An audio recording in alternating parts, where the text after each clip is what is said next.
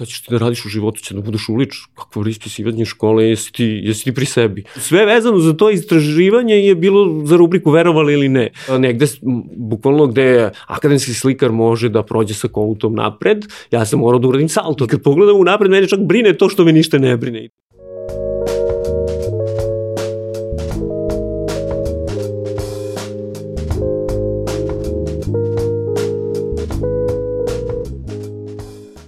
Nakon skoro pa detektivskog istraživanja, Dušan je svojim romanom Gospodin Roš pažnju javnosti usmerio na jednog od heroja Prvog svetskog rata. Uzgred, Đorđe Roš je baš kao i Dušan multipotencijalista. Dušan Krstić iz Aleksinca je po formalnom obrazovanju pedagog. On je jedan od redkih muških vaspitača u beogradskim vrtićima. Dušan je takođe slikar i književnik. Ja sam Aleksandra Petrovski, vi pratite Fusnota podcast. Samo za radoznale. U duhu slogana Grand Cafe hajde da imamo vremena, kroz ovaj razgovor želim da vas podstaknem da makar 10 minuta svakodnevno izdvojite za istraživanje stvari koje okupiraju vašu pažnju. Zdravo Dušane, dobrodošao. Zdravo, bolje vas našao. uh, reci mi, ko si u suštini ti kad sklonimo sve tvoje titule, one ovaj, stečene obrazovanjem i one ovaj, tokom karijere tvoje? Pa ja sam običan čovjek, jedan običan vaspitač u grupi, ništa više od toga. I istraživač istraživač, ja bih rekla, istraživač života možda, ja bih rekla na prvom mestu i umetnosti, ali dobro, saznaćemo u ostatku razgovora. E, šta, bez čega to ne može tvoj jedan dan da, da prođe ili šta to tebi ispunjava onako na dnevnom nivou? A pored vremena koje provedem sa svojom porodicom, ovaj, volim, volim da nađem nešto zanimljivo. Recimo, evo, zadnja stvar koju sam našao, to je ovaj, uh, jedna zanimljivost vezana za Luxor palatu iz, hiljad, iz 41. godine, kad je bila recimo bombardovana. U Luxor palati je nekada bio atelje uh, vajara Riste Stijovića. I bombardovanje je preživala samo jedna skulptura sa nasmijanim licem. I sad ne znam koliko kome to značilo, meni to, taj podatak sam nedavno saznao u jednoj Facebook grupi koja se zove Bio jednom jedan Beograd. I ovaj, to meni tako dalo neki zadatak da ja moram ili da nešto napišem na tu temu ili moram da, ovaj, da nešto naslikam jer taj kada je jedan simbol prkosa koji se samo od sebe bukvalno stvorio u nekoj nevolji, to, eto, takve stvari, eto, generalno. Te triggeruju. Me triggeruju, naravno, i postiču me da radim dalje. Uh -huh. e, rekao si već u startu ovaj, da si, da si vaspitač e, i mene zanima kako je e, jedan momak e, iz Aleksinca postao vaspitač. Pravo.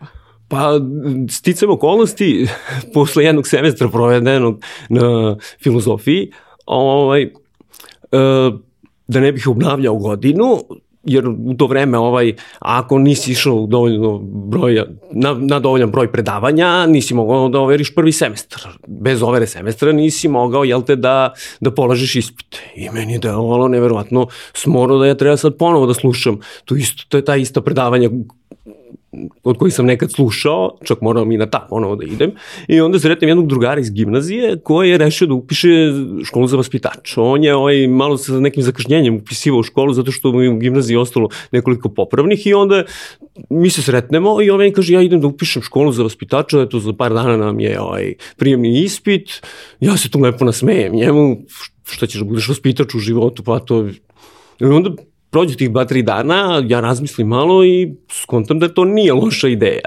I sretnemo se mi na prijemnom ispitu i onda on krene za je mene. kao ja smejao si mi se. I završimo obojica s tim što eto ispostavi se da ja evo već 10 godina radim u grupi on nikad nije ušao u grupu on je inače muzičar ali eto sticam okolnosti sam postao vaspitač da. Um, interesantno je ni da tvoje prethodno formalno ovaj, obrazovanje nije išlo tako glatko.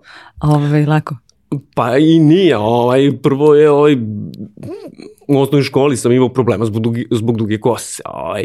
A u sedmom osnovne sam morao da se šišam, jer je profesor fizičkog tada mene upisivo redovno u napomenu. Onako, mi smo imali taj e, pravi, pravilnik o ponašanju na fizičkom, gde si ti mora da imaš belu majicu, crni šorac, patike, i on meni kad proveri opremu, onda mi kaže, ti nisi spreman da radiš fizičko, sedi na klupu.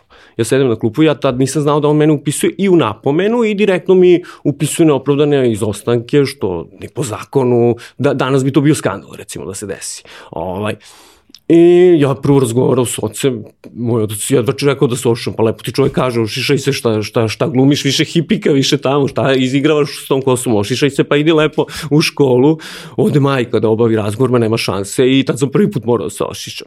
E, onda sam u ovaj, drugi put posle osnovne škole, tad sam imao neku, ajde da kažem, krizu jer nisam znao šta, šta bih upisao. I odlučim se tu uz neki savet mojih roditelja da upišem elektrotehničku školu u Aleksincu. E, nakon upisa, to je ponovo bio uslov da ti ne možeš da uđeš u školu ako nisi ošišao. I ja odem sa majkom koja je poznavala direktora, nije bila neki, ne znam, kakav prijatelj sa njim, ali su se znali izviđenja od ranije i odemo mi na razgovor kod direktora ovaj, da mi dopusti da se ne ošiša. I on kao, pa ja to ne mogu. Pa ja ni jednog neošišanog u celoj školi, sad to je velika škola, ovaj, ja ni jednog ošiš, neošišanog nemam. Ne može. Neće, ja pritom govorimo o 98. godini. Da, da, da, 98. godina, tako je. I ja šta ću kuću, moraš na šišanje drugi put. I odem ja na šišanje, tad sam se i zarekao da više nema šanse, ma, ne, ne, ne, nema te sile koje će me natirati da se ja ne, nekako silom ošišam. I posle, dođe, posle jednog tromesića ja ukapiram da em to neka muška škola, em je tu bilo deci iz raznih sredina, ovaj, to meni nikako nije prijelo, pogotovo ti delovi ovaj, te prakse koju smo imali s nekim majstorima, znači gde tebi daju ovaj turpiju, da ti nešto sad turpijaš nekog vožđe, pa to treba po nekom pravilu da se radi, ovaj, jedna atmosfera koja je meni bila jako, jako neprijatna. I odem, da razgovaram sa roditeljima, mislim kao i zamolim ih da me ispišu škole. I onda šta ćeš ti da radiš u životu, će da budeš ulič, kakvo ispisivanje škole, jesi ti, jesi ti pri sebi. Ovaj, završi ti školu lepo, pa onda radiš šta god hoćeš, puštaj posle kosu, mislim to je tvoja stvar, ali školu ćeš ti da završiš. I ja bukvalno onda ode kod direktora. Ovaj. Pitam ga kuc, kuc, dobar dan. Došao sam da se ispišem iz škole. Ne možeš ti da se ispišeš iz škole, moraju roditelji da ti ispišu a umeđu vremenu gledam svako malo pa nekoga izbaci iz škole zbog, zbog neopravdanih izostanaka. I ja se setim da ja mogu da izostavim, da bežim jednostavno. Ja umesto školu krenem da idem u biblioteku. Sad, sticam okolnosti, o, moj otac je volao da čita novine. I ja uvek sam tu prolistam sport, kultura, neke stvari koje mene budu zanimljive i najđem na jedan zanimljiv tekst o Hermanu Hesseu. Ja odem u gradsku biblioteku, kao učlanim se, možda je čak bilo besplatno ili možda neka stvarno ovaj, simbolična, simbolična da. cifra trebala da se da i ja prvo što sam tražio, dajte mi Hermana Hesse, kao biblioteku, to za vas, rekao da, da, to je za me. pa, mlad si ti da to čitaš, dajte ipak vi to meni, onda je... Šta, koja ona... sećaš koja je bila ovaj, baš knjiga? E, sećam se, Aha. bilo je Stepski Vuk. Oh, bilo je Stepski Vuk, e, ja sam nju odabrao zato što sam slušao band Stepen Wolf. Mm -hmm. Jer I onda ovaj, uzmem ja tu knjigu i krenem da gutam, bukvalno, jer ovaj Hesse zapravo tad u, u tom periodu, do duše, on je tad imao 50 godina kad je pisao to, ali on opisuje zapravo taj, te momente ovaj, koji su meni verovatno bile jako bitne za umetnost, te momente samoće. Mm -hmm. Te momente kad si zapravo sam, ali ti imaš najveću slobodu u tom momentu. I ta, te emocije, mislim da treba svaki umetnik da ima. Kad stvaraš, ti si sam zapravo. I tu se ja zaljubim jednostavno u, tu, u to njegovo štivo i krenem dalje. Znači, tu knjiga za knjigom išlo. Umeđu vremenu ja uspem da, da, da, da budem izbačen iz škole. Oni nisu ni slali dopise, niti su zvali da provere zašto ne dolazim. Ja sam jednog dana se samo pojavio u školu i meni direktor sva srećan. E, sad može ispisnica. srećan ti, srećan on. da, da, bukvalno srećan. Ja srećan on roditelji, onako, ovaj, to, to je generalno bila jedna depresivna atmosfera u celom društvu ovaj, pred bombardovanje, završi se to polugodište, ovaj, uh, ja normalno, mislim da sam i posle toga nastavio da idem u biblioteku, ali sad tek razumem tu brigu roditelja, ovaj, da tvoje dete sedi u kući, čita knjige, sluša muziku, ti ne, neće da idu u školu, ovaj, to je bilo, ovaj, da. sad tek vidim iz ovog ugla koliko to može da bude stresno za roditelja. I posle bombardovanja šta se desi? Desi se to da su svi prošli razred. I ja sledeće godine odem da upišem gimnaziju, tamo su išle uglavnom deca koju sam ja znao iz moje osnovne škole i ta Aleksinaška gimnazija je držala jedan visoki rating, boga mi, zvali su je nekim malim, malim univerzitetom, tako. O, ovaj, I ja odem da upišem gimnaziju I tu me opet spasilo, opet sam bio malo neodgovoran u prvoj godini, imao sam dosta jedinica i tu me spasila tadašnja moja razredna koja je bila profesor književnosti i koja je jako cenila što ja volim da čitam. I ja, ja sam, ovaj, zanemarivao sam ja i fiziku i matematiku i sve te prirodne nauke, ali sam redovno čitao i lektiru i preko lektire. I onda to je nešto što me ovaj, zapravo čitanje, ja mislim, do, najviš, najzaslužnije za, za moje neko obrazovanje je to što sam uvijek volao da čitam. Ja sam recimo, uh, kad sam isčitao Hesea, ja sam vidio da je na njega neverovatan uticaj imao Nietzsche Pa sam ja recimo krenuo da čitam Ničea. Kada, Još u srednjoj školi. I pre srednje škole i početak srednje škole, znači kad ja to apsolutno da. nisam razumeo, ali sam ga čitao ono, pa sam ja kao bio i glavni u društvu kad pročitam, kao pa da, ja čitam Niče, ja čitam Schopenhauera, ja sam filozof. I to me i dovelo posle ovaj, do toga da krenem da studiram filozofiju, međutim ja kad sam već došao u taj period, mene više zanimala filozofija Andy Warhola i Davida Bovija i ta neka druga filozofija, nekako sam se udaljio. Savremenih umetnika, da. Da, da, da, da, nekako sam se udaljio, nekako mi je to bilo ovaj, dosadno i zato i nisam istrajao tu. E, pre nego što nastavimo priču dalje, uh, verovatno sada svi ljudi koji slušaju ovo, že, a koji te ne poznaju, uh, bi želi da te pitaju isto. Um, kako ti doživljaš, ti si vrlo mlad uh, i mislim kao praktično kao dečak, odlučio da pustiš kosu. I to je odraz nekakvog stava, bunta i tako dalje. Šta je to tebi, kaže ti si u sedmom razredu već imao dugu kosu za šišanje, što bi se reklo. Ove, ovaj, šta je to tebi tada značilo i zašto si tako i ti si istrajao a, u svom stavu po cenu da, da, da platiš kakvu god, da kažem, kasno. Pa, prvo, ja sam introspekcijom tražio, ovaj, tražio odgovor na pitanje što sam uopšte puštao kosu. Da. I sad, jer ja sam i kao dete imao dugu kosu, ali to je verovatno bilo po modelu jer ja imam dve starije sestre. Mm -hmm. I onda ti u 3 i 4 godine, kad se družiš sa dve sestre u kući i majka treća, ovaj, i otac, do duše otac je bio oš, ošišan, verovatno je to prvo uticalo da ja kao, ja još kao dete, kažem, znači, do, do polasku u školu sam imao dugu kosu. -hmm.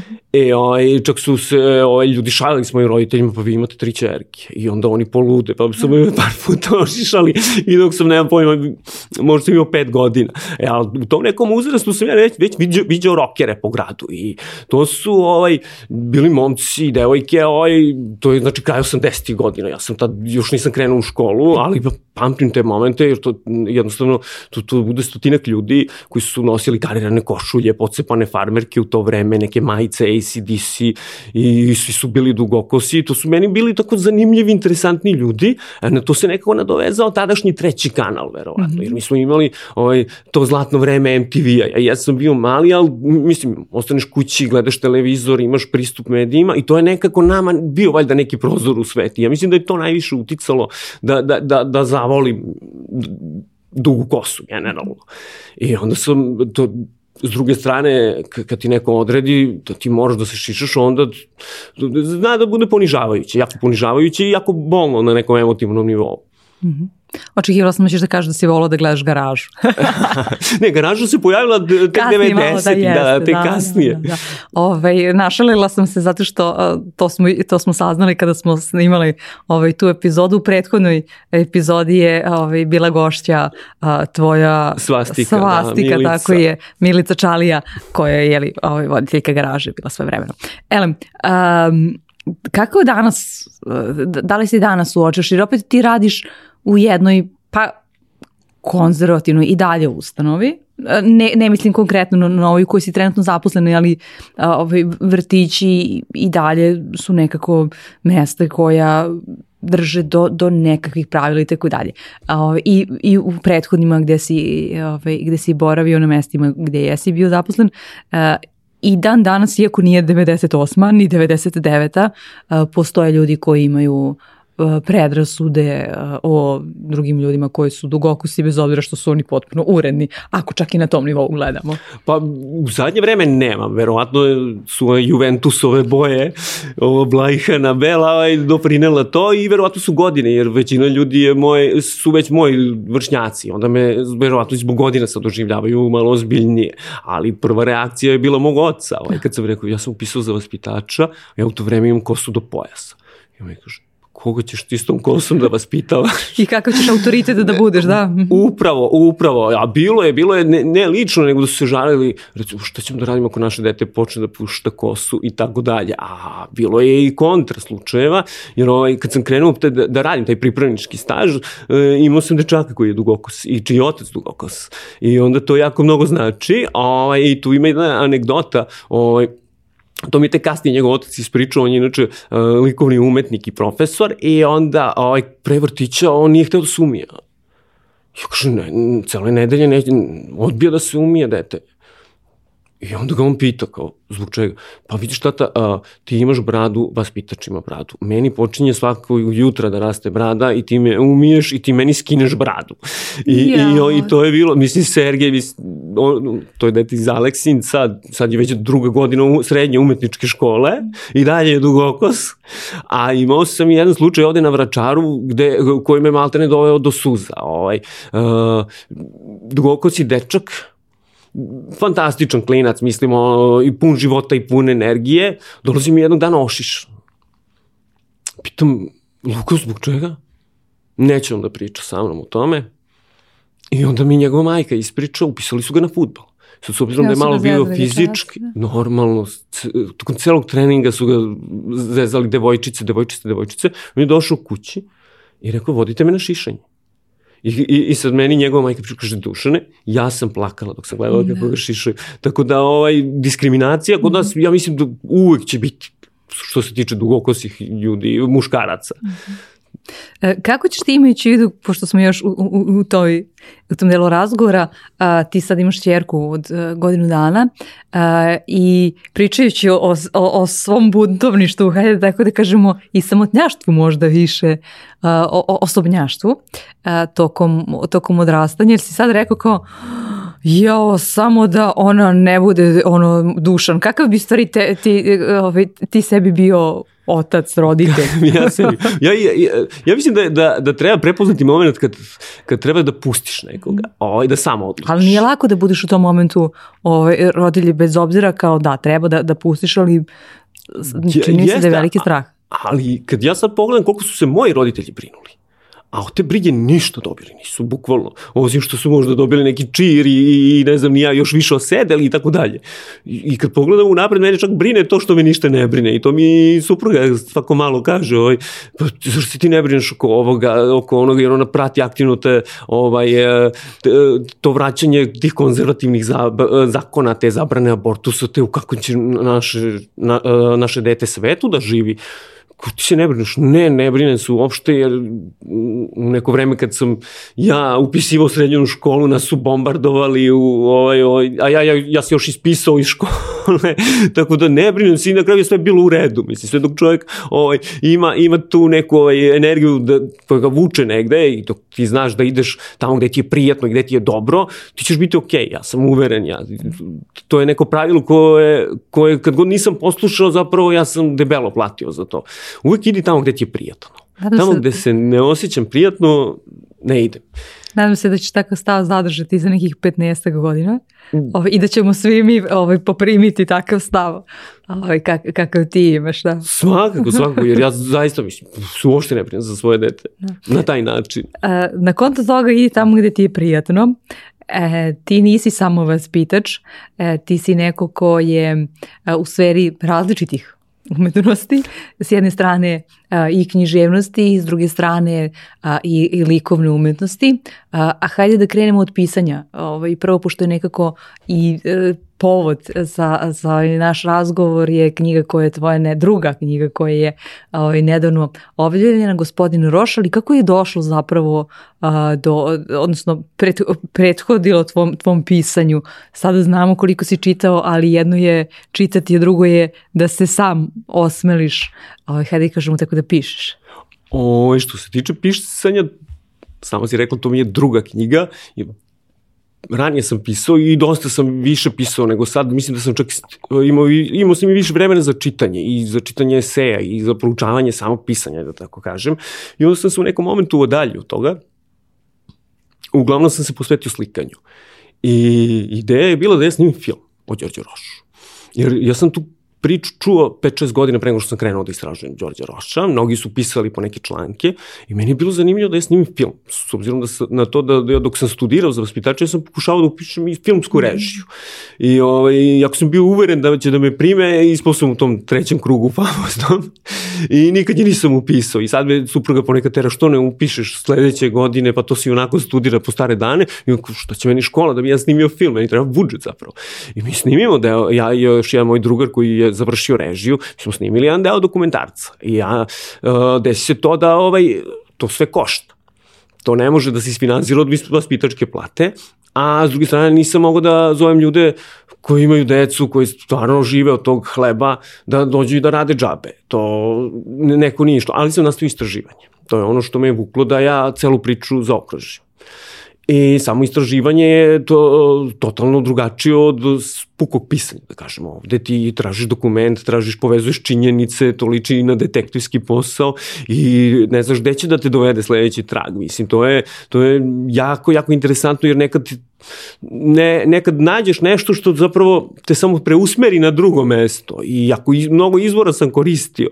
Tako da, ali opet sve to nekako sam mogao da koristim za, i, i, i za širi svoj rad. Recimo, tu sam saznao od Paji Jovanovića koji je vezan za, za, za Đorđa Roša, onda o samoj ličnosti ti Đorđe Roša koji ja i dan danas ne mogu nekako da, da, da, da, da, da kažem da, tako da svarim, ovaj, ne mogu da ga ovaj, zaokružim jer je bio stvarno fascinantna jedna ličnost. To je čovjek koji je ovaj, iz, iz blata i rova došao do diplomatije, a pritom nije morao sve to da radi, on je bio dete ovaj, jednog viđenijeg gospodina. Tako da je meni ta priča i dan danas i sad kad pogledam unazad i kad vidim kakav je put bio pronaći sve te stvari, ovaj, je avantura, ali zaista avantura jedna. Da. I on je bio multipotencijalista. jo, pa da, jeste, jeste. Malo, ja. da.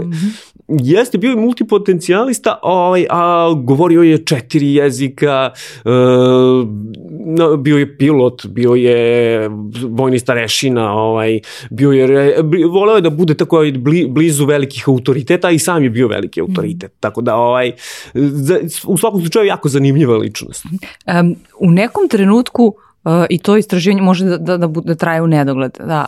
Kako procenjuješ kada je taj moment tekao? Ovo je sad ovo je i dosta.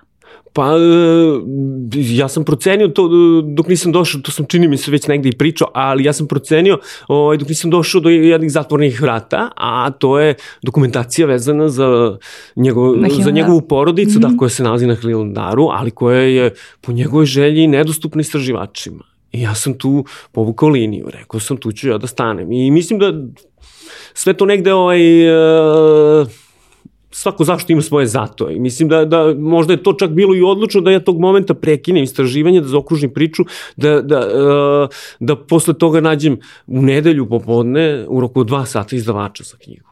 Znači, sve vezano za to istraživanje je bilo za rubriku verovali ili ne. Mm. Ja, pre neki dan sam baš jednom kolegi piscu pisao i on kaže, nisi, nisi mi to rekao. Da, da, rekao, ja sam poslao Prometeju gospodinu Kolunđi, ja sam poslao u nedelju u četiri popodne. On je meni u šest odgovorio. A, dobre stvari se prepoznaju vrlo brzo. ili je to ili je neka viša sila, nemam, ali to je ovaj, uh, nedavno sam pričao s jednim komšijom koji me u to vreme kad sam ja intenzivno radio uh, na istraživanju života cele porodice Rošto, nije samo Đorđe, znači bukvalno sam odlazio u širinu i trebali smo da radimo neki IT projekat koji se ispostavilo da je doneo njemu dosta novca umeđu vremenu. I ja mu kažem, možda sam ja to trebao s tobom da radim, si sad malte ne ovaj, milioner, nije milioner, ali je dosta para uzo i on kaže pa ne bi, ti nisi video sebe u tom momentu, ti si bio pun neke energije, nekog fluida, ne bi ti mogao tu energiju meni tu da doneseš, meni treba takva energija, ali ti ne bi mogao tu energiju da stvoriš za mene. I to je upravo još jedan pokazatelj, ideš tamo gde te srce vuče, gde ti je lepo i šta možeš da uradiš. I tu postižeš fantastične stvari. E, znači, na kraju dana ti ipak nije nekako žao što, što nisi nisi kompenzovao, odnosno nisi radio taj posao i prihvatio Nije, taj posao? jer nije moguće praviti tu kompenzaciju. To bi bilo nešto što nije, nije, nije, nije top, da kažem. Bilo bi nešto, ne, neko otaljavanje posla. A onda ako se sve to svede na jedno otaljavanje, drugo otaljavanje, onda kad pogledaš iza sebe, mislim, bar ja volim da, da, da sagledam i da, zaokru, da svakog momenta mogu da zaokručim svoj rad, bilo da se radi na pedagoš, o pedagoškom radu, bilo da se radi o mom slikanju ili pisanju, ja volim da pogledam iza sebe i da vidim na šta to liči. Ja ne volim da bude to otaljavanje neko. Volim recimo, volim, da, da uradim ne, s vremena na vreme nešto što je izuzetno. Ovaj. Sad, sticam okolnosti sam došao ne, nedavno u posled jedne knjige koja se zove e, Neposlušni Ćira. I ja otvorim da vidim, knjiga je štampana 922. godine i unutra je Pinokio. Preveden kod nas kao neposlušni Ćira i, i čak i ilustrovan. I koleginica, vidim, obrađuje bajke i radi Pinokio rekao, znaš šta, sutra ću nešto da ti donesem i klinci će da se raspameti. I onda ti pokaže deci, ja imam sad 100 godina staru knjigu, dođete da vidite kako su neka deca učila. Tako da to su stvari koje mene ispunjavaju. Ono što te ne ispunjava jednostavno ne možeš da radi. Barem ja ne mogu. Ovaj. Ne mogu, mogu da radim, ali nije to to. Imajući u vidu, to sam čula od jednog gosta koji mi je prenao reči e, svoje, svoje terapeutkinje, da je e, energija ograničen resurs, e, a rad sa decom je prilično energija, koliko god da oni daju energiju, toliko i, trpi ovaj, svoju, trpi energiju. Kako ti onda ostaje i kako ti onda ostaje i vremena i za slikanje i za energije zapravo ne, i ne samo ovaj vremena i za slikanje i za istraživanje koje si u tom periodu ovaj, radio, a, a govorimo praktično o poslednje, tako, to je bilo Da, 20. 2020. 20. Tako da. 21. da. 20. na 21. Da, ali u tom momentu sam ja i u vrtiću radio, ajde da kažem, nekim pojačanim intenzitetom. Ovaj, s druge strane, dok sam ovaj, jurio sve te stvari da nađemo Đorđu Rošu, ja sam uspeo ovaj, da, bukvalno sam rešavao neke stvari koje nisu rešene kod nas u predškolstvu, s obzirom da imamo neke nove osnove, koje su već dve godine, ovaj, godine uzleta ovaj, važe. Čuvene, i ko- dobro. Da, spro, sprovode da. se i oni obećavaju da će za predškolce, recimo, za koje se već očekuje da u školi i pišu i čitaju, a s druge strane vaspitačima nije dozvoljeno da rade pisanje slova sa decom, jer mi nemamo ispit koji se zove metodika Da. pisanja slova. I tu postoji jedan prazan hod koji, eto, čekaju, če, čeka se neko odobrenje da se do- donesu neki radni listovi gde će biti pisani program za predškolce i ja uzmem i napravim kaligrafiju za decu. I onda im donesem ovaj razne ovaj, razna kaligrafska pera, prvo sam ih pravio od trske, pa sam im onda uh, uh, nabavio ovaj prava gušća pera, da bismo na kraju i nali periva, mi crtali slova. Ovaj, onda smo kroz razgovor od Vuka, o Vuku Karadžiću, ovaj, oni me pitaju kako je bila azbuka pre toga. I onda ja njima objašnjavam, pokazujem slike, ali dođem na ideju da ja pozovem Topalka, ovaj čoveka koji radi u fototipsko izdanje. I onda ga pitam, da li ti hteo da doneseš jedno tvoje evanđelje u vrtić, da vidimo kako će deca da reaguju. Jer su me stalno pitali kako izgledala reforma ovaj, našeg pisma pre, kako su ta slova izgledala. I on kaže, ja nikad nisam to tako malo deci donosio, ali... I to su sjajna pitanja, kada, kada dođemo do tog momenta da oni toliko promišljaju da, da, da tako pitanje postave, da. Da, da, ma, uh, da, ali oni su otišli još malo dalje. Ja se sjećam dok im ja pokazivao knjigu ovaj, i objašnjavao da izrada takve jedne knjige je koštala koliko izgrađa do sred, srednjovekovnog grada. Ovaj, njihovo pitanje su bili, a koliko grada? Niša, Beograda, Da, to je njih Kruševca. merilo grada, a ne Kalemegdan. Da. Da, da, da. I, i, i onda fantastične su pitanje koje deca na tom uzrastu mogu da vam postave. Tako da u to vreme, što se tiče same energije, sam imao zaista na pretek i onda sam to i beležio i stvarao neki svoj neki likovni metod. Pa sam onda na, nalazio ovaj slikare koje mogu da približim deci. Sam onda našao, ne znam, Paul Klija, koji ima zanimljive portrete, jer sam gledao da decu naučim da, da, da urade crtež, da ne moraju da boje pozadinu, jer to se provlači negde od predškolstva, pa ja mislim do petog razreda, naglašava se deci oboj pozadinu. Taj rad nije dobar, nisi obojio pozadinu. Ja kad to čujem e, od kolegenica ili kolega, meni se koža ono naježi. Oboj ima, jednu, pozadinu. go- ima jednu gore stvar. Uh, drugi razred osnovne škole, mi crtamo grafitnom olovkom, traži nam učiteljica da nacrtamo uh, fabriku. Uh, njeno poimanje fabrike je da tu bude mnogo ljudi. A, mene mrzi da crtam mnogo ljudi i ja nacrtam dvoje ljudi i bila je fabrika ulja i traku i tako dalje. Uh, on me pitala, a gde su ostali ljudi? Ja sam rekla na pauzu i ona rekla, evo tebi dva. ovaj, I onda se je šalim kako, u stvari ona tada nije spoznala da sam ja vizionarka, da će sve biti automatizovano i da će dvoje ljudi dovoljna. Nisam srela dugo svoju učiteljicu, a ovo ja taj radiš uvek čuvam. Ali da, to su nekako neki kalupi koji nas teraju da, da imamo određeni model koji je potpuno bespotrebno, pogotovo ako govorimo o, o likovnom. Pa ta, i, I likovnom koje treba deci da bude likovno da razvije, da, fizičko, to treba da, da budu predmeti gde se deca da. opuste, da. gde, su, gde, gde treba da, ovaj, da pokažu svoju kreativnost. Tako da sam ja išao dotle, nemam pojma, da, ja, da ja naučim decu šta je to asamblaž. E sad, to je zanimljiva tehnika ovaj, gde, gde ti zapravo na platnu lepiš, uh, nalik kolažuje, mm. nešto između kolaža i, va, i vajanja, gde ti zapravo lepiš predmete ili mm -hmm. delove predmeta na platnu ili na papiru. Uglavnom na je za to potrebna neka čvrsta podloga.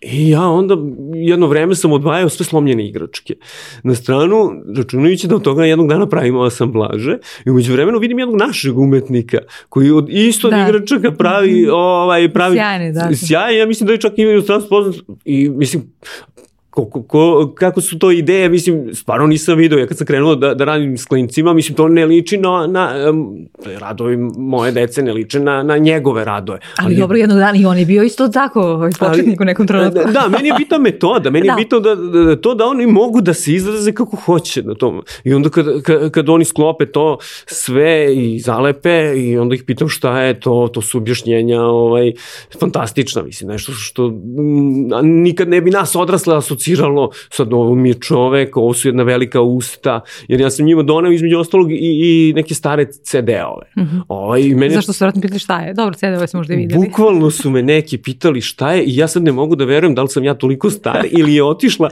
tehnologija, jer mi kad smo studirali, mi smo imali predmet koji se zove audio-vizualna sredstva u vrtiću. I na, ja, ja sam u prvom semestru recimo slušao o ovim 30, 35 mm kinoprojektorima, onda ovim slajdovima koji projektuju priču po slikama na zidu i tako neke stvari. A onda odeš na praksu, svaki vrtić je u to vreme imao DVD player i da. televizor od opreme. I sad, sad sam došao do generacije koja nije videla disk. um, tu, tu si nekako iskombinovao svoja pa hajde kažemo privatne interesovanja, a, dodajući deci neku novu vrednost u, u, u njihovu edukaciju, a, e, koja svakako treba da bude prisutna i, i, i u tom a, uzrastu u vrtiću, a, ali istovremeno kako si se ti našao a, u svetu slikarstva? Ja sam od kako znam za sebe i kad sad vidim decu, deca svi mi počnemo pr prvo da crtamo, pa tek onda da pišemo. Da. I ja, ovaj, s obzirom da je moj otac radi u knjižari, ja sam imao dostupne i blokove i razne materijale od nekako još pre nego što sam krenuo u školu, ja nisam smatrao da bi neko crtao da mora da ide u školu. I to, to je ono što me često ljudi pitaju, što nisi išao na akademiju.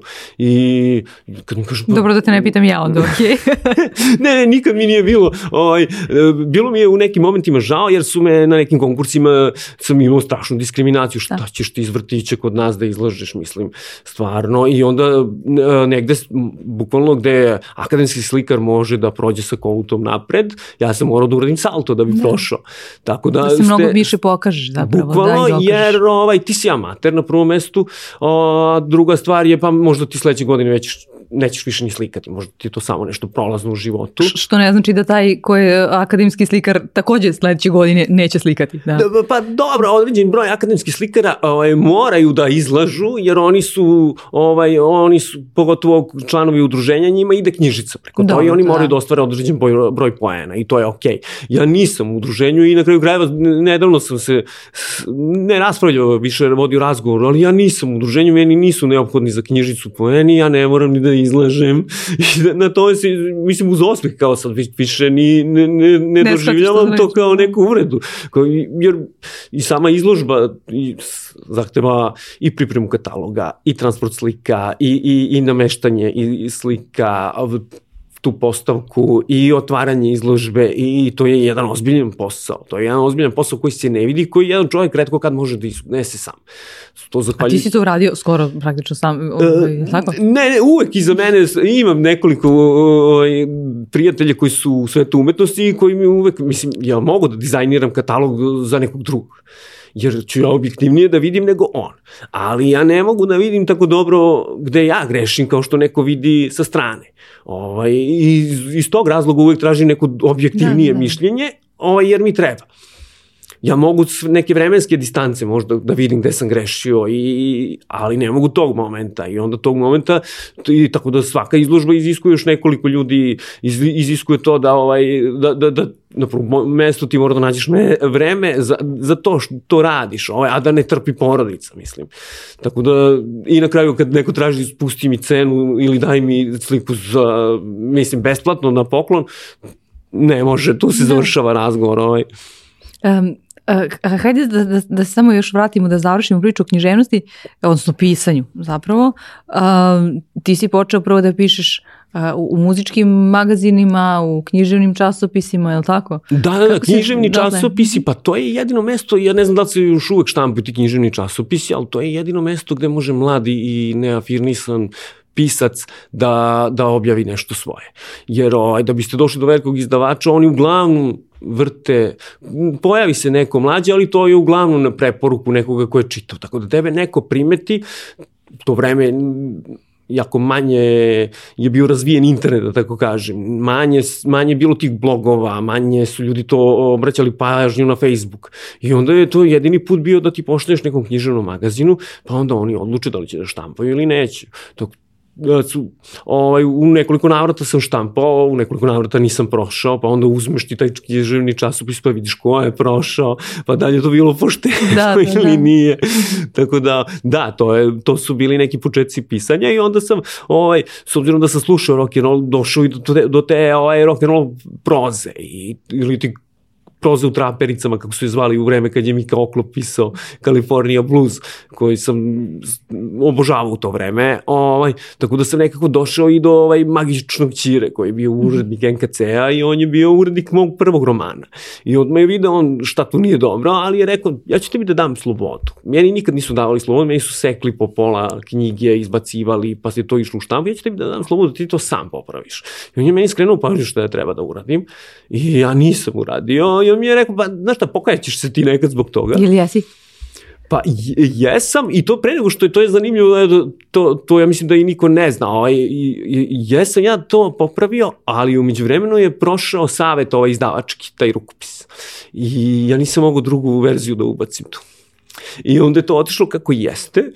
I Eto, to, to, to, to je sve o tome. Mislim, nije to bila ni neka, ajde da kažem, velika... Ja se razmišljao kao je sad, baš smatram da ima dobar potencijal, pa ću da, ne znam, pregovarat ću da izdam uh, drugo izdanje, dopunjeno ili tako dalje, ili si to stavio po strani? E, tu, pa to su, kažem ti, postoji ovaj, ovaj, verzija, ali juriti izdavači, to je tek, ovaj, to je tek posebno trošenje energije i to je posebno čekanje, jer ti pošalješ rukopis.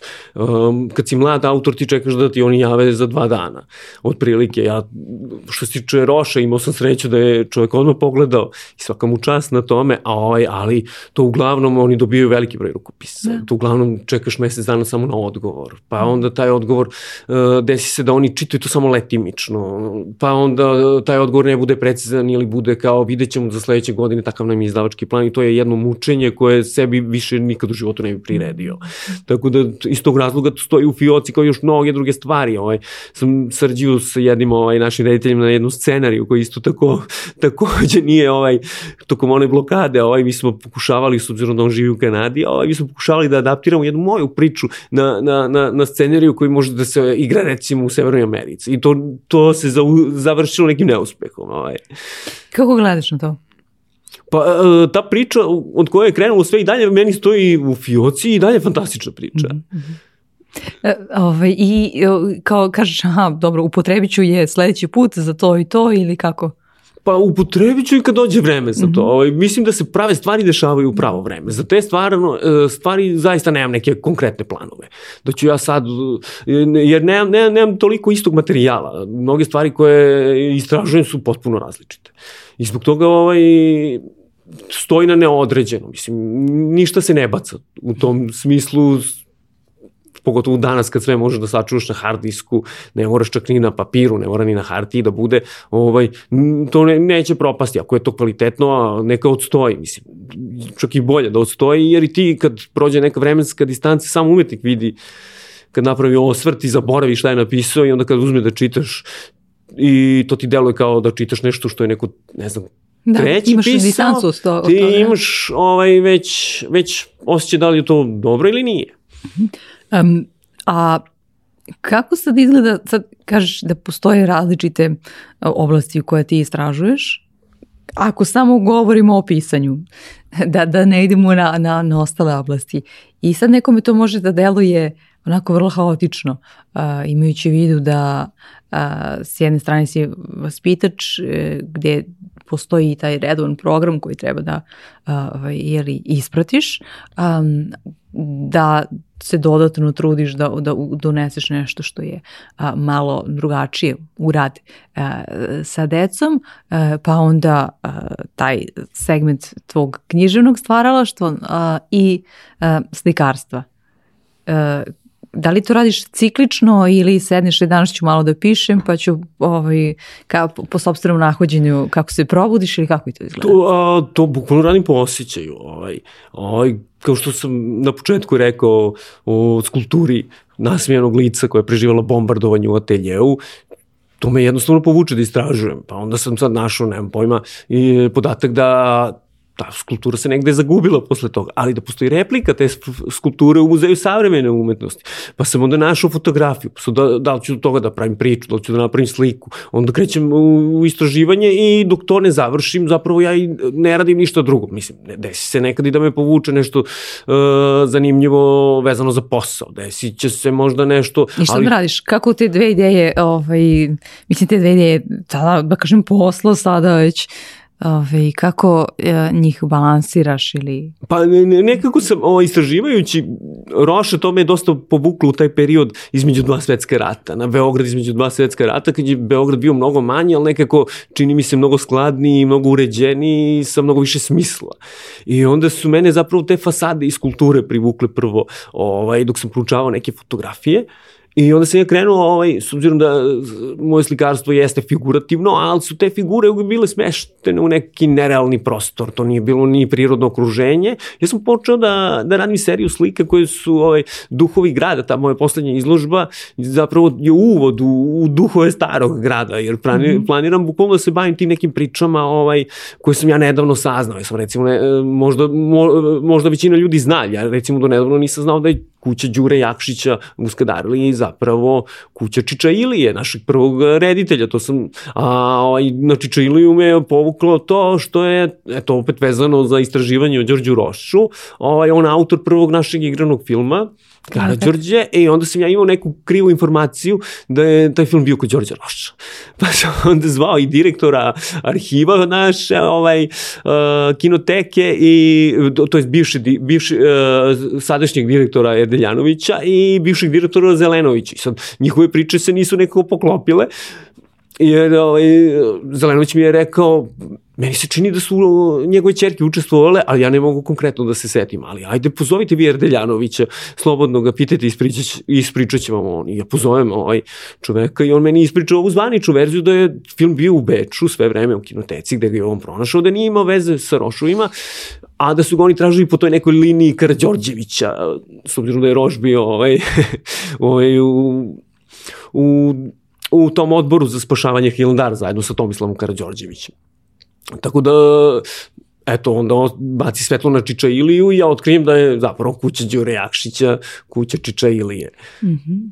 e, I kako te sad ne vuče, kaže, e, ovaj posao moram da završim, a čekam i još i ono, skoro sam baš isto od uh, jedne gošće prethodne, kaže, najbolje ideje se rađuju dok uh, završavaš jedan projekat.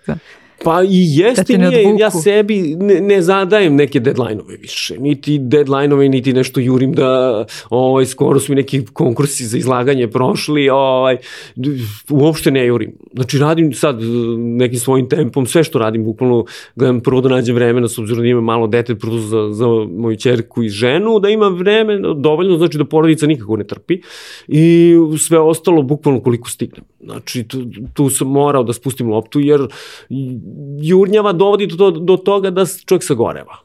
I onda već posle dva, tri dana, četiri dana, e, to je nedostatak sna, to je previše vremena u istraživanju, previše vremena u radu, taj rad više nije kvalitetan. Mora, mora, mo, mora da se nađe neki tempo koji tebi prija da to radi.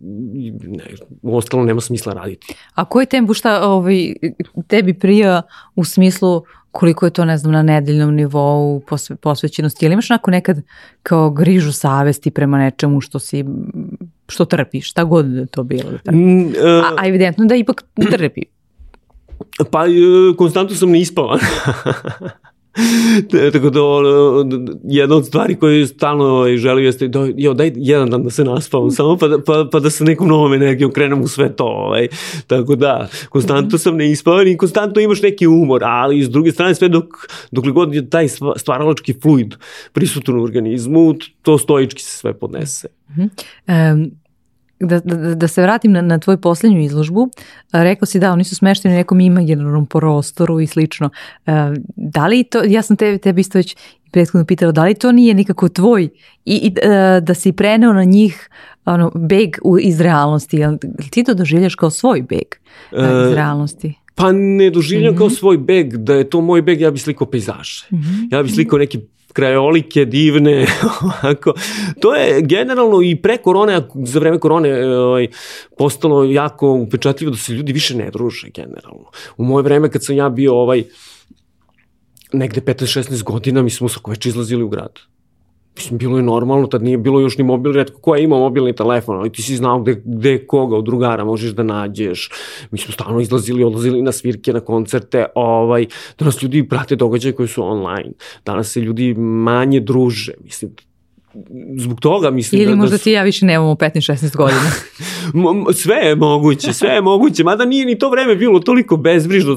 Nedavno sam ovaj, pričao s jednom koleginicom da ljudi stalno kukaju kako su, ne znam, ni ja žrtve ovoga, žrtve onoga, ali da, ja nikad nisam čuo da su nekom klincu skoro ukrali telefon ili oteo telefon. Možda, mislim, možda se desilo da, a u naše vreme su skidali patike na ulicama, ljudi o čemu pričate.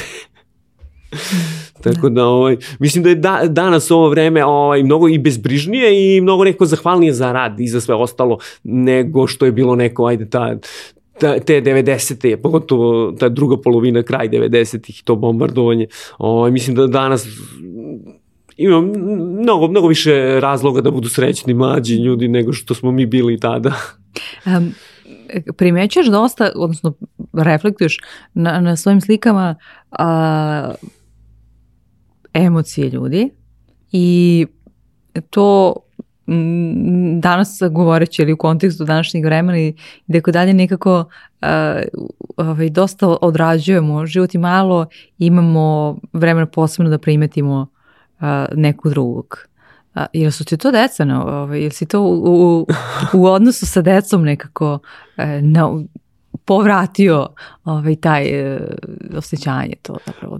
Pa ima, ima i toga, verovatno, ima i toga, jer ovaj, radići sa decom, što bi rekao jedan moj profesor, ovaj, kaže, ti Dušane ne bi bio nigde u svetu relevantan uh, svedok na sudu, zato što ti već 10 godina radiš u grupi.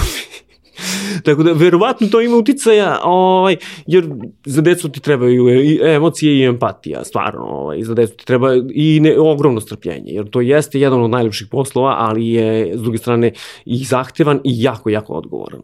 Tako da, moguće, nikad nisam razmišljao o toj emotivnosti, imao sam, mislim da su svi umetnici generalno emotivni.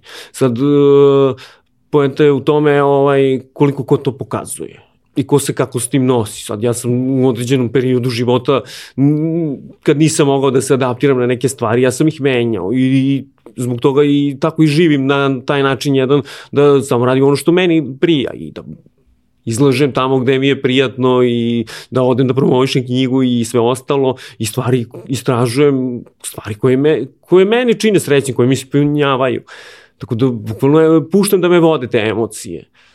Kako ti je bilo kada si organizovao prvu izložbu samostalnu? Da li si imao onako, aha, dobro, na kontu te priče o ljudima koji su akademski slikari kao, pa dobro, Dušane, pa možda baš i ovaj si se malo precijenio ili za, zaigrao, zacrtao. Da, kako si imao? Ovaj... I, a, pa...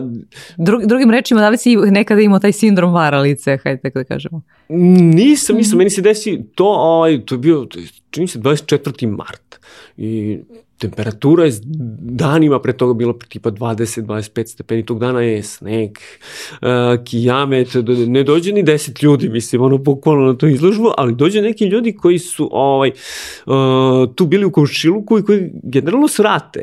I onda krenu Gde je da, bila pa tvoja prva izložba? Moja prva izložba je bila u jednom, uh, no, to je bila noćna galerija, kafe galerija, ali je imala umetnički savet. Mm -hmm. ovaj, grafičari. Ili ovde u Beogradu? Da, da, da, ovde u Beogradu. To je inače, posle su mi rekli, to, to je magazin centru proizvoda bio nekada davno. I rekao, apropo tih priča danas, gde, treba, gde izlažemo ovamo namo i onda kažem pritim, znate šta, izašao sam iz šupa, više se ne vraćam kad me zovu negde da izlažem. Izašao sam iz šupe, više se ne vraćam, tako da da, bilo je to je taj kafić, to, ja mislim da ni kafić više u Lomino i ne postoji, ovaj, ali... Pa dobro, da, to je opet centar grada bez obzira što je jest, oko zelenog venca. Da. Jeste, samo srce grada, ali kad, kad ti neko kaže, da, da, ovde su ti bili, ovaj, znaš šta, ovi magacini centra proizvoda, ne znaš ti to, ti si mali. Ovaj, a zanimljivo je tu, tu, pored tog mesta postoji neki kapsularni hostel. Mm -hmm. I do, dođu neki stranci, dođu, ne, da, dođu ljudi iz tog hostela.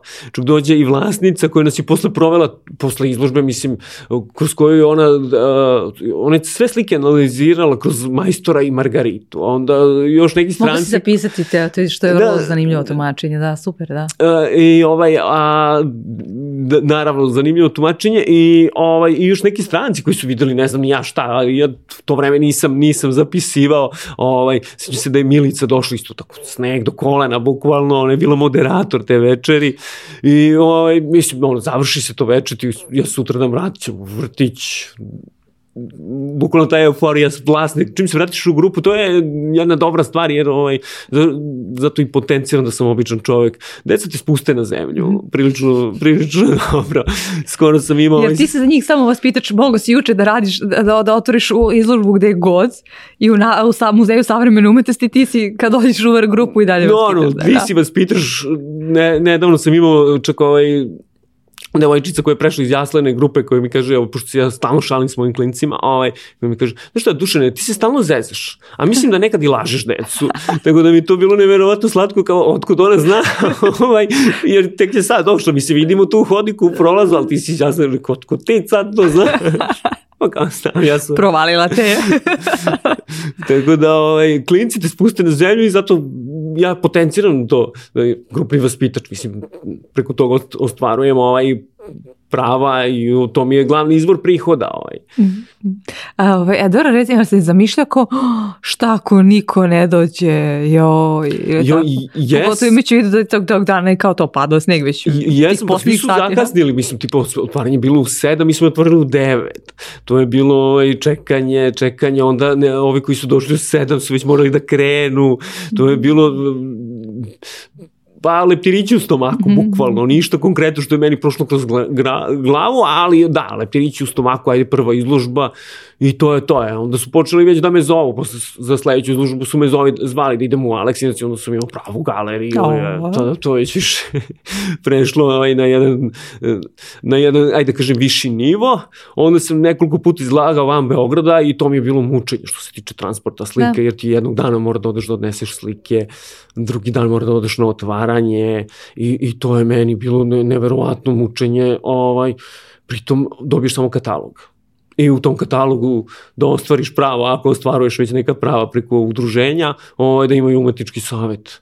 Redko šta prodaš van Beograda generalno, zato bukvalno sad i ne potenciram da do, do sad sam držao taj neki tempo, bar jedna izložba godišnje, da, da, da me ima tu na sceni, da sam tu prisutan. Sad više i ne jurim, ovaj, mislim, ove godine sam imao, prošle godine sam imao čak dve, jedna bila u Smederevskoj palanci, jedna bila ovde u Beogradu u Čumiću, O, sad već za sledeću godinu uopšte ne jurim nešto, radim tu neku seriju slika koja je stvarno posvećena starom gradu, gde se opet vraćam figuraciji, nalazim neke nove rešenja za kompoziciju, e, ovaj, s druge strane ovaj, sam ispitujem malo te tehnike starih majstora, a, ja s obzirom da radim uljanim bojama, onda čekam da, da, se, da mi se dete uspava i onda mm -hmm ako se desi da se dete noć probudi, sve izbacuju na terasu, jer ovaj, uljane boje, bez obzira koliko govorili, ovaj, štete su za udisanje i nisu zdrave, niti terpentini koji zaista ih sad prave bez mirisa, oni se ne osete ne. uopšte, ali nisu zdravi za, za, za, za neko dečije okruženje. Mm -hmm. E, kako, ti, kako si se osjećao kad si imao tu uh, izložbu u Aleksincu? Kaže naj, da je najteže da uspeš u svom mestu. E, da budeš tamo priznat. bi bilo super, tamo bi bilo super. Mislim da čak i postoji ovaj snimak s lokalne televizije na YouTube. Tamo, bi, tamo mi je neko bilo super jer se desilo to ovaj, da zapravo uh, umeđu vremenu je profesor koji je meni predavao književnost u osnovnoj školi, do duše samo jedno polugodište je bio ovaj, zamena ovaj, našoj tadašnjoj profesorki, da je on bio urednik kulturnog centra. Mm -hmm. I onda je on otvorio moju izložbu i jedno jako prijatno, ovaj, prijatno, prijatno veče je bilo, ovaj, doš, došlo je dosta od mojih prijatelja, mislim, ja sam iz Aleksinca, ja sam tu i započeo karijeru. Kako godin ovaj. si prešao u Beograd? A, 2016. čini mi se. Da, ne tako davno, da. Pa da, ne tako davno. Ovaj. Mm -hmm. Jer ja sam ovaj, po završetku, ovaj, to je još možda zanimljivije, ovaj, ja kad sam završio ovaj, taj pripravnički staž, ja sam godinu dana radio u jednom selu pored Aleksinca i to je interesantno, ovaj, ja sam imao sedmoro samo, ovaj, sedmoro predškolaca, to selo se zove Grejač i nedavno su me oni pronašli, pošto ja na Facebooku i na Instagramu ne koristi svoje ime. I nedavno su me oni pronašli i ovaj, to, to su neke, napravili smo grupu i to su krenuli neke derive poruku, ja, joj, vaspitaču kako ste nam nedostajali, pa vi ste otišli, vi ste nas ostavili, oni to su deca koji su sad završila ovaj, prvi razred srednje škole i onda se desilo to da imam jedan od njih je ovaj, u Pančevu, u nekoj srednjoj školi. Ovaj, I pokulo je proživljavao ono što sam ja proživljavao. I onda me je pitao za savjet šta da radim. I onda sam ja rekao šta sam ja uradio ti ćeš sad morati sam da odlučiš, hoćeš da promeniš školu, ćeš da izgubiš godinu i onda to se sad drugačije računa, nije kao kod nas, uh, ja nemam poene za tu drugu školu i onda mu ja ponovo kažem, moraš Andrija sam da, da, da saberiš i da oduzmeš da vidiš. I ovaj, šta se desi, par dana ga ja ovaj, šaljem mu tu poruke, dosađujem mu da li si popravio sve te jedinice kako se završilo i on je tek, ovaj, ne znam, posle nedelju dana meni sve sam završio, super, mogu da idem kući na raspust. A kako je sad, da, to je um, vrlo delikatna situacija, uh, bez obzira što ti kaže kada sam ja u pitanju to je ispao dobar scenario, uh, ali uh, opet nekom drugom mladom uh, biću ti treba nekako da, da, daš, da ga pustiš da on samo odluči, ali on tebe istovremeno pita na osnovu svog praktično istovetnog iskustva. Upravo pa... Kako si promišljao sad o tome? Nisi ti tek tako mu na bilo koju poruku odgovorili šta god da si mu rekao? Promišljao sam, jer on je s jedne strane bukvalno doživa uh, i sa mnom je trebao neko na drugi način da razgovara. Ja sam pokušao samo da razgovaram sa njim, da on dođe sam do zaključka i on je došao sam do zaključka da, će, da on to može. Ja nisam uticao, ja sam samo slušao šta je mi on pričao i rekao da ga razumem. I sa mnom je trebalo razgovarati. Mislim, mislim, u naše vreme su i roditelji i školstvo je bilo drugačije i bilo je mnogo strože. Sad su deca i zaštićena, čak i prezaštićena. Ovaj, s nama nisu mnogo razgovarali. Ko te pito, mislim, ti ideš u školu, to je tvoja obaveza, to se nije dovodilo u pitanje kako. Mm -hmm. Znači, ti da, da, da, da, posle srednje škole da ti napraviš pauzu godinu dana, čemu? Ili ideš da radiš, ili ideš u vojsku, ili ideš da studiraš. Mislim, nema tu pauze. Kakva pauza? Sad, ja što sam između osnovne i srednje proveo godinu dana čitajući knjige, ja to ne vidim kao izgubljeno vreme. Mislim, ja znam sad... Možda samo mogu... tvoja okolina to gleda, videla tako, ali ti da, Da, da, i dan danas ja ne vidim to kao izgubljeno vreme, jer to, to, to ti je benefit da ti možeš sa, da na neki način sam sebe da edukuješ, da čitaš knjige i da slušaš muziku po ceo dan, pa, to, pa ko ne bi prihvatio, tako ne, pa, pa to nema lepšeg perioda u životu. Da. Spominjali smo ga pre početka ovog razgovora kada smo ovaj, pričali, e, Žika Petrović kada je e, bio ovde gost, on je rekao da se on ozbiljno zalaže za to e, da nakon srednje škole, ne baš nakon osnovne škole, ali nakon srednje škole da, da, da upisivanje fakulteta kako i nekim drugim uh, zemljama, a posebno u Americi, treba nekako da se uh, normalizuje to da mogu da naprave pauzu ove ljudi da i pogotovo ako iskoriste da istražuju sve, sebe i svet I oko sebe. I svet. Tako ja, mi, i, i, ja se potpuno slažem sa tim. Mm. Pogotovo što Žiku znam. Žika je ovaj jedan čovjek koji stvarno pun energije. Ja kad sam u jednom razgovoru sa njim ovaj, posle promocije knjige, ja kažem, Žiko, ti treba da odeš na fakultete i da animiraš mlade ljude, jer on ima, on je tako pun energije, me, me, jedan od redkih pisaca, recimo, sa kojim ja volim da popijem kafu i da pričam i da razmenim ideje, jer ovaj pisci su uglavnom, a na čemu radiš, a koliko ti pišeš dnevno, većina naših pisaca, znači oni imaju normu, recimo, od jedne do deset stranica dnevno i sad ako ti ne pišeš to, onda te gleda kao da nisi član kluba, kao da nisi pisac i onda meni Žika je interesantno, pošto i on sebe, ne, niti ja sebe vidim kao pisca i on je, on je jedan od redkih pisaca s kojim ja stvarno volim i uživam da razmenim ideje, da popijem kafu jer čovjek je pun energije. To. I što bi rekao Uroš Petrović, da se ne doživljamo previše ozbiljno. da, da, da, iz druge strane, da, mada iz tih neozbiljnih stvari se izrode fantastične ideje. E, kako ti, uh, rekao si da u periodu istraživanja uh, nekada ako istražiš kao što si sada za Đorđa Roša da te nešto inspirisalo pa sada na ovu kolekciju slika praviš upravo inspirisan time.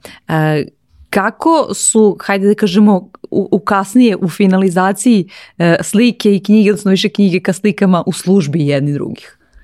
Pa, sad gledam da kroz sliku ispričam priču.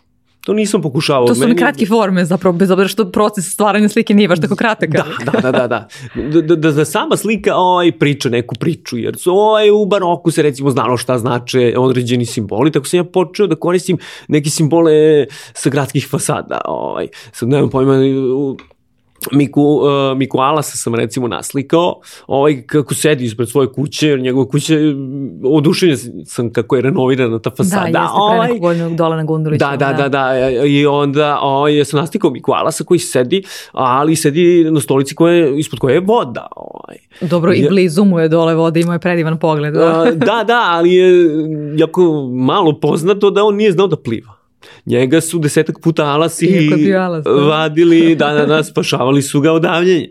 Tako da, tako da kroz slike pokušam sad da ispričam priču, ovaj, onda sam Beogradski atlas se slikao recimo i njih čuva ovaj, jedan ženski anđeo, zato što su, ovaj, te, ja sam koristio ove atlase, atlasi su inače česti dosta na, na fasadama, ja sam koristio ove sa hotela ovog kod trga, kako se zove, ovaj, Matijević što drži, čini mi se sad nebitno i ove sa da. pre, e, kombinovao sam tu fasadu sa ovom uh, ministarstva inostranih poslova gde i onda sam uh, uradio jednog anđela jer to, to te fasade su očuvane, zaista, stvarno izgled, izgledaju fantastično.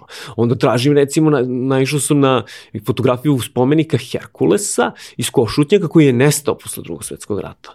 Ali je zanimljivo to što ja ne, ne mogu da nađem zanimljivu fotografiju jer hoću njega da naslikam kako, i da ga smestim u toj priči koja, gde je nestao. Ja. Da, a da li, da li je ovi pride... E neki slikari baš dopuštaju kao, čak nekad imaju možda i taj elitistički stav, ne mogu ja tebi da pričam sad šta je tu na slici, ako ti ne vidiš, glup si malte, ne? ovaj, a, a da li ti sada, imajući vidu da na taj način postoji svaka priča i nekakva inspiracija i istraživanje uh, dok si došao, da li na taj način baš beležiš um, ovaj, sve te priče? Ne beležim pa na taj način, ovaj, skiciram ih. ne, ne, neke su u skicama, neke su na marginama, jer moje beležnice izgledaju jako neuredno. Ovaj. Dobro, da, ovaj... možda su i Da Vinčeve beležnice su bile vrlo neuredne, pa su prodate za toliki milioni i danas su vrlo vredne. Da, da, da, da, ovaj, kad smo kod Da Vinci, to me opet vraća na, na, na ovaj vrtić. Ovaj, moram da skrenem sa tebe, ovaj, jer ovaj, pre par godina mi se deš, desilo to da sam imao dete koje je bilo zaljubljeno u Da Vincija i ovaj, donosio je stalno neke knjige, ovaj, Je li pokušao da pravi neku letelicu? Nije. Zajedno smo pravili letelice, to jeste poenta. Tad se radilo po nekom starom programu, onom B modelu, pa si ti morao sad kad obrađuješ saobraćaj, da obrađuješ vazdušni, drumski i vodeni saobraćaj. I mi, ajde, kad smo kod vazdušnog, da, da, da, da vidimo te letelice nikad, ja mislim da nisu ni napravljene. Postoji jedan muzej u Milanu gde su one napravljene, ali ne znam da li su kao modeli ili da li su zaista funkcionalne. I onda mi, mi krenemo da pravimo te letelice i to je bilo nešto fantastično i onda sad to iz godinu u godinu kad god nešto radim vezano za to, ja gledam da ih skrenem na Da Vinci, da, da oni vide još jednu stranu umetnosti, jer ja gledam da kroz rad ovaj, imam taj umetnički pristup. Tako da ovaj, i od Da Vincija preko Endija Warhola pa sve do ovaj, Paul Klija, to su neke umetnike koje mogu njima da približim ne, uh, onda recimo Picasso radimo na zanimljiv način, njega vaj, vajamo njegove crteže, njegove portrete mi vajamo od, od ovaj, raznih delova starih igračaka, kutje za diskova, deca prave nešto što liči na čičaglišu, onda docrtavaju delove i tako da imam poseban pristup, mm. pravimo određene likovne radionice sa decom, baš zbog toga što istražujem i za sebe i onda sve što preostane, bitno je jako bitno da bude primereno deci. Ali imaš neki kod njih, oni kao, aha, moment, kao, kako se ja ovoga nisam setio ga? E, pa i, i bude i ne bude, zavisi, mada oni imaju... Kod Na nivou je... ideje, naravno, ne mogu oni toliko baš da, da ono, realizuju nešto, ali ne ovo njihove mašte, kao kako zamisle to. Jo, i, ima, ali sad ne mogu da se setim, verovatno ću se kasnije setiti, ovaj, ali generalno, pošto je ovaj, potrebno izvesno vremena dok dođemo do momenta, sad ćemo da radimo nešto zanimljivo. -hmm. I onda kreće, pa, sva pažnja je 100% usmerena ka meni, gde kažu sad ćemo da radimo nešto zanimljivo. Sad nemam pojma, onda i, uh, odemo u Košićak i ponesem farbu i oni uzmu otiske sa panjeva onda ih donesemo i izbrojimo godove mnogo lakše nego što bismo to da, tamo radili i imamo jednu grafiku koja je zanimljiva. Tako da ovaj, uvek nađem neki drugi pristup i uvek postoji neki drugi pristup, ovaj, samo treba da, treba, trebaš biti dovoljno kreativan da ga pronaćeš. E, kako ti održavaš tu, e, tu kondiciju tog čuvenog, mislim ponovit ću se ali čuvenog ono, razmišljenja izvan kuti, da, da pronalaziš drugačije ovaj, o, pristupe. A, Mada si ti u kondiciji, sta, mislim što stalno. Jesam u kondiciji, ali dve priče mene stalno, ovaj, ajde da kažem, hrane. Ovaj, prvo je slučaj Beethovena, koji je komponovao poslednju simfoniju, skoro potpuno glup. I nije čuo znači, aplauz na svoj na. Tako je, ali način na koji je on komponovao, tako što je stavljao lenjer u usta, taj lenjer je prislanjao na klavir i po vibracijama. Znači, kad hoćeš, uvijek ćeš naći način, a drugi opet kod kompozitora ovog uh, biš, jugoslovenskog, da kažem, ne znam da li, je, da li se vodi kao hrvatski, Ivan Pogorelić, koji je dobio, koji je svirao Čehova, bukvalno kontra onako kako ne treba. Ja mislim da, da mu je zapravo ta nagrada, u stvari mislim da nije ni dobio nagradu, već je demonstrativno jedan deo žirija proglasio njega genijem i čovjek ste, stekao svetsku slavu na jednom takvom takmičenju. Tako što je tamo gde je trebao da svira crescendo, on je svirao decrescendo, tamo gde je trebao da svira pianino, on je svirao piano, recimo, da je tako bilo. Ali ta, ta dva slučaja me Dobre, nekako... Dobro, i Bach isto pomerio granice, zapravo oni prvi put, ako se ne rom, uh, tom simfoniju uveo vokale. A, a ne Bach, si... nego... Izvinjam ovaj, se, Beethoven. Beethoven tako da, da, da, da, da, on je u simfoniju uveo ovaj uh, hor. Dakle. Da, da, da, što nije bio slučaj. Ali uh, te dve stvari da ovaj, uvek kad hoćeš, možeš. Da, da pronađeš način. Da, da, da, da, da naravno, uvek način postoji. Mm -hmm. I vreme postoji i za pisanje i za slikanje. Mislim, ljudi su pisali u zatvorima. Imam slučaj umetnika koji je ovaj, u malom ateljevu razmotavao rolnu, bukvalno uh, rolnu platna razmotavao i slikao. Znači u ateljevu koji je 2 sa 2 ti napraviš ogroman format, mm -hmm. to ti je uspeh. Znači uvek postoji način, samo treba biti dovoljno kreativan da ga nađeš. Da, znači, znači. Um, ovo je sad dobar šlagvrt uh, za pitanje koje uvek postavljam na kraju, je to bez kog znanja ili veštine ti danas ne bi bio ova osoba sa kojom ja razgovaram? Pa, uh, sklonost ka čitanju, ja mislim da je meni najviše ovaj, uh, doprinela i to je što sam ja uporan, istrajan, mislim, istrpljiv Eto, to su osobine, to zapravo nisu veštine, to ja mislim da svako treba da bude strpljiv i uporan i uvek sve dođe na svoje. Ovaj, ako, I mislim da sve prave stvari zapravo i dođu u pravo vreme.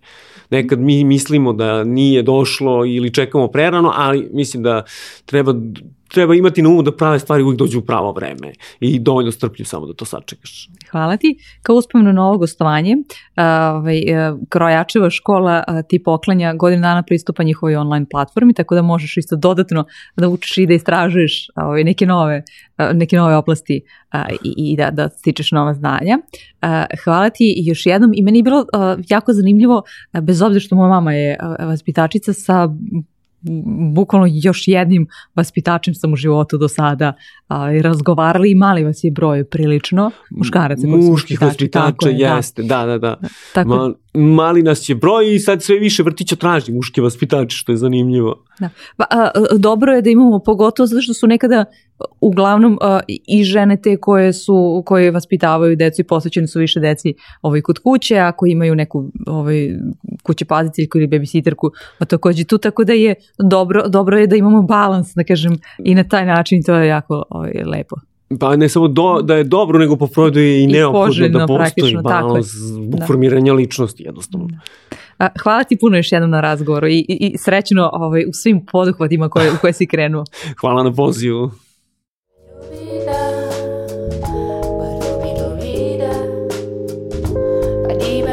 da para para rumba